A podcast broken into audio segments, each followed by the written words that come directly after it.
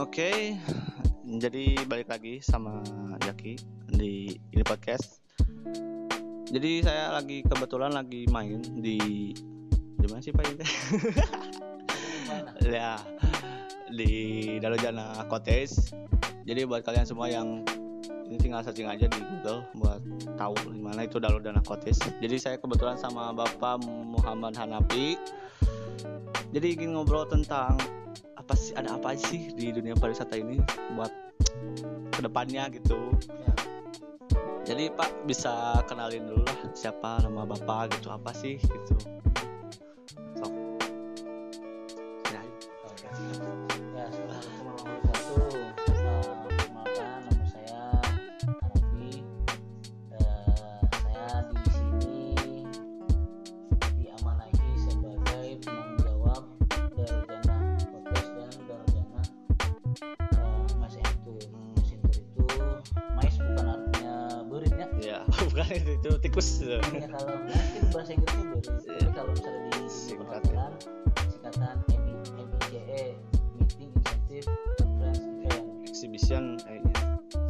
event sih biasanya orang.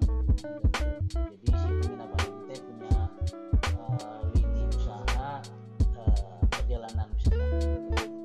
Jadi Bapak kan di sini kita kan satu bidang nih Pak? Oh iya sebagai guide. Bisa dijelasin nggak sih apa sih Pak eh kalau kesahnya gitu jadi tour guide? Gitu. itu senang apakah dapat kan kalau misalkan lagi pandemi kan susah ya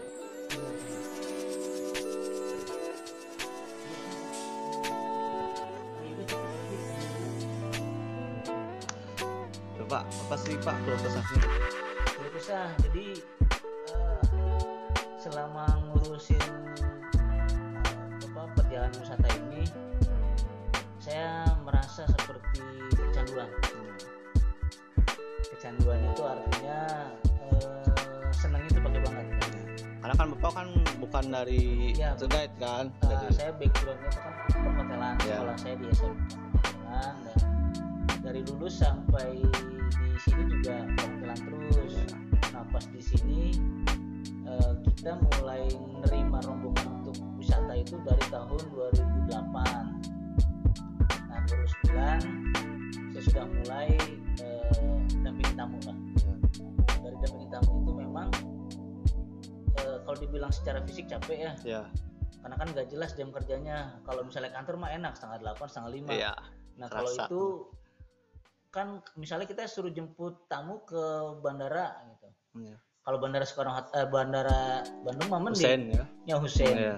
nah ini misalnya kudu ke bandara Soekarno Hatta jemputnya jam 7 pagi.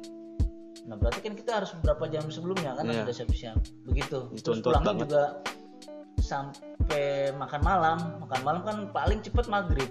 Beres-beres jam 7 jam 8 kadang-kadang beres-beres sampai rumah teh jam 9 jam 10 Iya. secara Jadi- fisik capek Jadi emang capek ya jadi tour guide bukan bukan semata-mata jalan-jalan Iya. terus gitu ya. Jadi memang banyak apa ya banyak tantangannya gitu. Jadi tuntut banget kita buat menghandle tamu yang istilahnya macam-macam ya pak Hmm, tamunya. Jadi ada yang sering marah-marah. Gitu. Pernah nggak sih pak ngerasain kayak gitu? Eh, kalau dimarahin tamu pernah Ya. Eh, biasanya kalau ada ada ada trouble di perjalanan Ya. misalnya si AC nggak nyala Ya. Bos ya. terus ban betus Ya. terus si sopir eh, apa nih kayak yang susah diajak komunikasi kayak begitu gitu tapi eh, semarah-marahnya tamu kalau kita bisa menghandle dengan baik kita dengerin dulu lah Ya. ketika dia marah jangan jangan kita langsung bantah kita dengerin dulu eh, apa yang menjadi kemarahan dia setelah itu kita carikan solusi dan alhamdulillah dari yang tadinya marah eh, di, biasanya ditutup dengan pemberian tips Benar. Jadi kalau misalkan nggak tahu, jadi kalau misalkan ada satu apa ya suatu perjalanan pasti di akhir pasti dikasih tip biasa biasanya. berharap Jangan berharap banget juga, tapi setidaknya mah pasti berharap gitu. Wae. Iya pasti ada terus gitu. Ya. Iya memang gitulah jadi kalau misalkan dibilang tour guide itu banyak sebenarnya kesahnya bahkan nggak bukan saya bukan bapak aja yang bapak kan senior ya di sini dan udah udah resmi banget jadi HPI kan belum saya juga belum maksudnya belum masih ya masih ke mana-mana lah kalau misalkan gini-gini jalan. Pernah nggak sih pak kalau misalkan eh, bapak gitu lagi jalan-jalan gitu tiba-tiba ada orang yang nggak tahu sebabnya gitu tiba-tiba ini gimana ini jalan-jalannya kok gini sih? gitu. Pernah nggak sih pak? Karena kan bisa kan di planning dulu kan? Iya di planning. Iya tapi tiba-tiba ada yang kok ke sini sih? Kok ke sini sih? Iya, iya. Eh, kan gini, biasanya itu kan rombongan ya. ya Kalau yang kita dampingin, ya rombongan itu ada dua kriteria. Iya. Pertama, rombongan dalam satu perusahaan. ya Nah, kalau satu perusahaan biasanya itu lebih enak Ah, karena mereka sebelum pasti sudah dikondisikan. Yang kadang-kadang bingung itu kalau misalnya serombongan tersebut si travel agent yang kita kerjasama dia open trip. hmm, Kalau open trip itu kan masing-masing. Nah, biasanya satu dua orang tidak terlalu detail untuk melihat itinerary atau ya, jadwal kurang eh, baca gitu kurang baca biasanya di situ. Eh, biasanya pada saat perjalanan baru dia nanya-nanya, tapi jarang banget sih kalau sampai marah-marah gitu. Nah. Nggak pernah bahkan. Paling dinanya Pak, kita ke mana aja? Nah, gitu dan biasanya kalau untuk lebih apa untuk mengantisipasi hal seperti itu eh, pada saat di kendaraan setelah kita memperkenalkan diri dan kru kita juga akan bacakan susunan acaranya Hmm. dari awal sampai pulang. Sama seperti saya gitu juga cuman kalau saya kan memang bukan bawa tamu ya. Jadi saya bawa teman-teman saya sendiri gitu jadi istilahnya ya saya praktek lah ya kalau sekolah gitu. Praktek. terus tetap aja gitu pak. Yang namanya grogi apa itu pertama bapak ngegas gimana sih pak? Oh, eh, memang jadi saya ibaratkan kalau guide ini kan keahlian ya. ya Dan tadi pertanyaannya pertama kali gimana? Pertama kali sangat luar biasa buat saya ya karena saya disuruh jemput tamu ke Bandara Soekarno ya Hatta. sejauh Tamunya dari Malaysia. Saya bahasa Inggris saya nggak terlalu jago-jago banget. hmm. Kenapa saya ditunjuk? Karena saya tahu Jakarta. Iya. Itu aja sih sudah. karena bapak tinggal di Jakarta kan ya Dan saya tahu kondisi Jakarta, saya ajak tersebut. Dan alhamdulillah selama di perjalanan saya tidak semenit pun berbicara tampil di depan umum. Eh, ya jadi Ya, saya grogi loh. Iya. ya saya saking nggak taunya harus ngapain gitu. Ya saya cuma duduk aja di depan, Iya. dampingin mereka ngobrol ya aja. ngobrol gitu. Dan setelah itu efeknya adalah saya ditegur oleh kan saya katanya terus ngapain itu kalau misalnya dampingin tamu nggak ngomong apa-apa Iya, gitu di, di, di muka umum. Tapi kadang suka canggung juga sih ya, iyalah kita kan nggak pede nggak tahu harus apa yang dilakukan. Udah gitu saya nggak ada contohnya. Iya. Jadi justru saya jadi proyek percontohan apa kelinci perempuan tahu lah. Ya, tapi dari sana saya merasakan kalau eh, guide ini kan ka- seperti kayak bukan kerja tapi kayak yang non formal apa ya enak-enak ngobrol Ya, akrab gitu akrab. kayak berteman aja lah Menjalin saya silaturahmi gitu. ya. Nah, jadi silaturahim dari sana saya ngerasanya wah asik juga sih sebenarnya kerjaan Ya. ini ya sudahlah dari situ saya ngeliat-liat YouTube terus nanya-nanya ke orang gitu ya baca Ya, eh, sudah senior baca gitu. buku paling ya se- sekilas-sekilas saja gitu oh iya eh geningan Hmm, dampingin tamu ya. sederhana yang saya kira begitu Iya nggak ya, susah sih susah juga. Yang pertama juga saya gugup gitu. apalagi kalau di HPI sih sebenarnya eh, ada tahapannya. Em, Ya, dia ikut pelatihan. Terus juga untuk bandros sendiri ya Iya. contohnya ya misalnya kita eh, untuk latihan biasanya guide di bandros dulu. Nah untuk bisa nge-guide di bandros itu tidak langsung pertama kali berbicara ya. Sepengetahuan saya harus ada lima kali tampil. Hmm, eh, tampil di depan penumpang bandros. Yang yang tiga kalinya itu jadi pendamping jadi kita Iya. ngeliatin dulu. Iya ngeliatin dulu. Yang kedua baru kita tampil. Jadi nggak sebenarnya idealnya itu nggak langsung ujuk-ujuk Ya, tampil langsung, langsung ke depan gitu Nah, ya. jangan. Kalau bisa mah kita lihat dulu siapa pun itu eh, orang eh, biar kita bisa nyontoh oh gitu caranya. Iya. Tapi kan pasti kalau di HP ada nggak sih pak caranya biar nggak mengatasi rasa canggung gitu kan depan soalnya kan kita ngobrol di depan orang. banyak orang ya ya. Eh, kalau HP itu kan eh, biasanya ada perekrutan terus ada pelatihan terus apalagi ya sertifikasi kayak gitu gitu Ya. itu ada tahapan-tahapannya Eh, selain di dikasih teori juga ada prakteknya ya tapi juga sebenarnya kalau misalnya kita mau nyoba gitu ya sambil nanti ikut eh, pendaftaran HPI kalau misalnya nanti buka eh, disarankan untuk eh, kita ikut aja dulu lah ikut ikut Ya. teman ke atau apa gitu ya kita jadi kalau di bahasa kami menyebutnya sebagai support Ya. kalau di tukang maladen lah Nah. gitu nah pokoknya kita Cadangan. bantu-bantu lah Iya. bantu-bantu si guide resminya itu ngobrol-ngobrol kita bisa apa namanya angkut-angkut tas Nah. ambilin sampah atau mem- membantu mengarahkan gitu jadi kita sambil melihat eh, apa yang dilakukan oleh tour guide yang benar jadi emang udah dididik banget kan kalau di HPI kan ya kalau di HPI eh, ada tahap khususnya banget gitu, kalau misalkan tapi bapak pernah nggak sih pak kayak ngerasain kayak jenuh gitu kalau misalkan di tour guide kayak gini? Saya jenuh karena ini karena nggak ada orderan lagi jenuh. Eh, ya karena pandemi ya? Nah, pengen pengen jalan Iya jalan sih. saya bilang tadi. Kalau kita sudah menikmati pekerjaan kecanduan. Ya bahkan kemarin ada teman HP itu di acara ngulik ngulik ngulik Jawa Barat ngulik ya, Jabar. yang biasa ada di biasanya kan live zoom ya? Ada nah itu Iya. di live zoom kan eh, Balangka pernah juga Pak Yadi juga kan pernah Iya. di situ.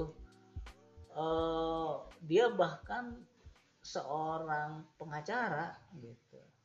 Dia Eh, bilang- backgroundnya gitu ya? Backgroundnya pengacara dia. Tapi dia seneng dengan guide itu. Bahkan badannya kalau lagi sakit Ya. kalau misalnya disuruh jadi se- langsung sembuh jadi obat gitu ya. Jadi ah candu benar-benar luar jadi biasa. gitu jadi kalau misalkan jadi guide mah nggak nggak semata-mata ini ya pak. Enaknya doang gitu. Iya apa namanya ah, nggak enaknya memang harus diper- eh, dipertimbangkan juga ya. Kayak misalnya tadi gitu terus ada yang sebenarnya hal-hal kecil juga bisa jadi pertimbangan ya, Ya. Eh, apa sisi nggak enaknya guide Nah, misalnya contoh kita lagi eh, pada saat perjalanan wisata kita lagi makan siang nih Ya. bareng-bareng tamu nih nah si tamu lagi pada makan terus eh, ketika tamu lagi pada makan kan barusan kita setelah itu baru kita makan kan ya ya Nah pada saat kita makan kan sebagian tiba-tiba pas lagi kita baru eh, dua sendok tiga sendok begitu Langsung. suapan, eh tiba-tiba ada yang datang ke kita, Iya. misalnya Kang Punten kita tolong ambilin casan dong, gitu. Nah. atau Kang Punten perut saya apa namanya sakit sakit, Ya. bisa tolong beliin nggak di apotik Iya. gitu. Ya kita menolak gimana? ya nggak enak juga kan Itu hal-hal gak enak lagi. Ya. Karena kan di kalau di guide itu kan kalau misalkan misalnya kita bawa rombongan kan kalau makan harus lihat dulu kan orang lain udah kebagian belum gitu. Iya betul. Kita pastikan dulu semua tamu Kebagian. bagian, gitu. Hmm, baru, baru kita, makan. kita- Jangan kita bareng tamu makan, jangan. Makanya aja kalau jadi guide sekarang makan suka sedikit. Ya, Karena suka sedikit juga gitu. Karena kalau orang lain udah makan, kita baru makan terus ini udah beres kita pergi gitu. Baru makan berapa suap kan nggak enak. Ya kadang-kadang seperti itu. Makanya kalau bisa makan harus cepat. Iya. Terus capeknya gitu karena ya jasa ya kan kita mah Biasa. Yang jasa. Telat makan. Iya. Biasa. Jadi gini pak jadi kita kesampingin dulu kan guide tentang ini ya tentang pariwisata ya pak Hmm. karena kan nyambung juga kan Hmm. Mm. kita bakal ngobrolin ya apa sih pak ke depannya gitu tentang pariwisata ini kan banyak itu kan orang-orang yang misalnya pas Sandiaga Uno lagi ngebuka Hmm. kunjungan buat ke Bali luar negeri dari luar ke Bali gitu gimana sih pak ke depannya karena kan eh, perekonomian di Indonesia itu kan paling diutamain apa yang paling banyak menyumbangin dari apa nyumbangin dari kas negara itu kan dari pariwisata devisanya dari apa eh, pariwisata juga gitu. Gara-gara pandemi kayak gini jadi daun gitu-gitu gimana sih pak? Ya kalau pariwisata kan apa bisnis mobilisasi perpindahan orang.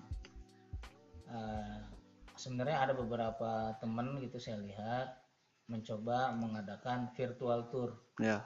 Seperti yang dilakukan ada beberapa teman HPI saya lihat eh, beberapa teman guide maksudnya ya.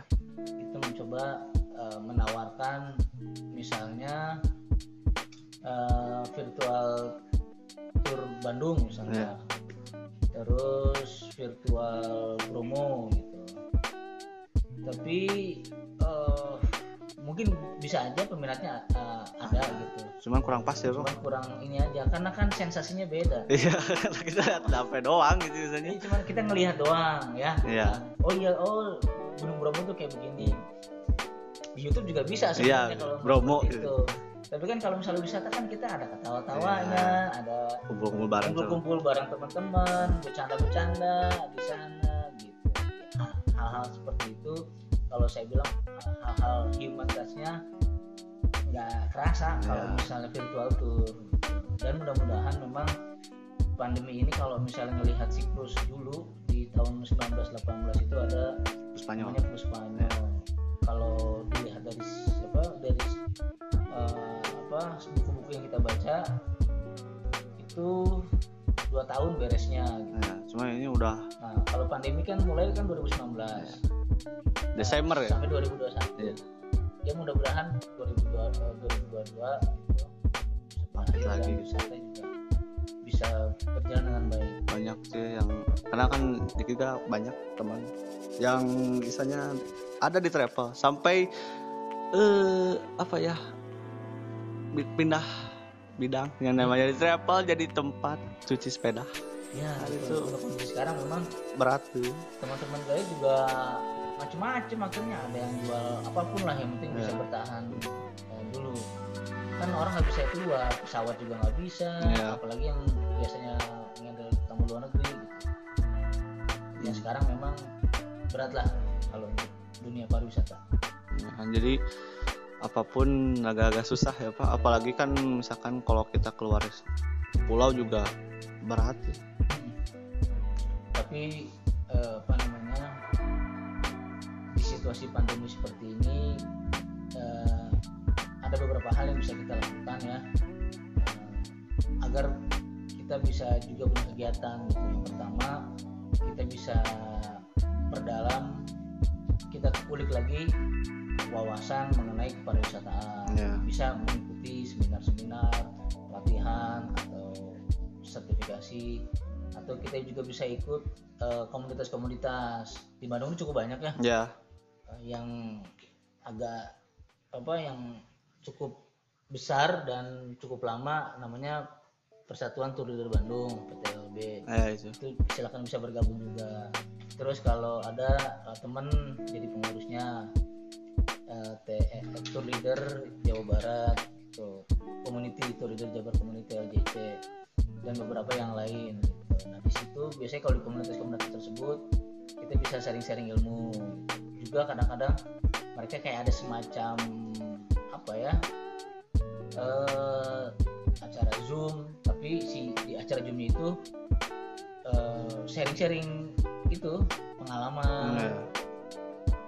ya, ya, intinya adalah kita menambah kemampuan dari kita.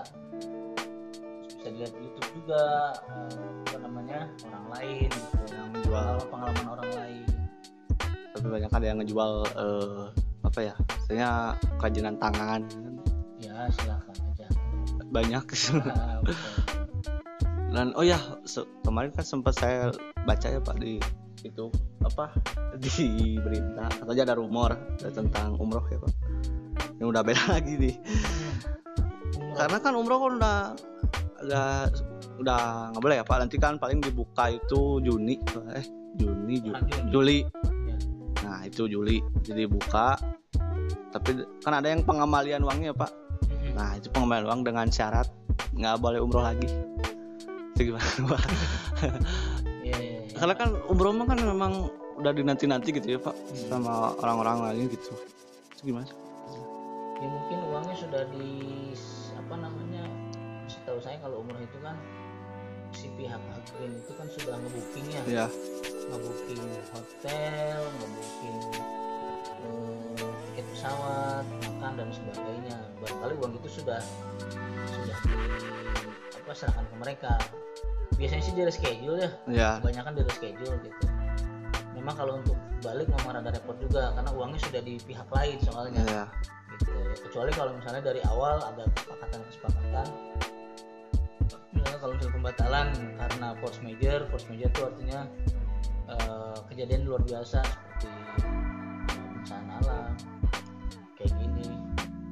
biasanya sih bisa kembali gitu biasanya bisa kembali mungkin tidak 100% mungkin karena kan sudah diberikan peralatan umroh lah Ya. tas, Tas, baju baju. gitu. oke oke jadi pak makasih Iya. udah sih segitu aja buat podcast kali ini jadi bapak kalau misalkan mau nonton ini bisa di Spotify. Oke nanti saya kirimin linknya. aku dengerin. Dengerin. Salah. Ya. jadi oke segitu aja. Terima kasih ya Pak Hadapi Siap. buat ya kita sharing-sharingnya gimana sih gitu. Tentang perkembangan pariwisata juga gitu buat ke depannya juga. Semoga ya pandemi ini cukup apa segera berakhir Hmm. buat ya penyumbang devisa paling banyak gitu pariwisata kan. Jadi saya juga di bidang ini pusing juga. Saya kerja kayak gimana juga gitu tetap bingung. Oke segitu aja. See you. Bye bye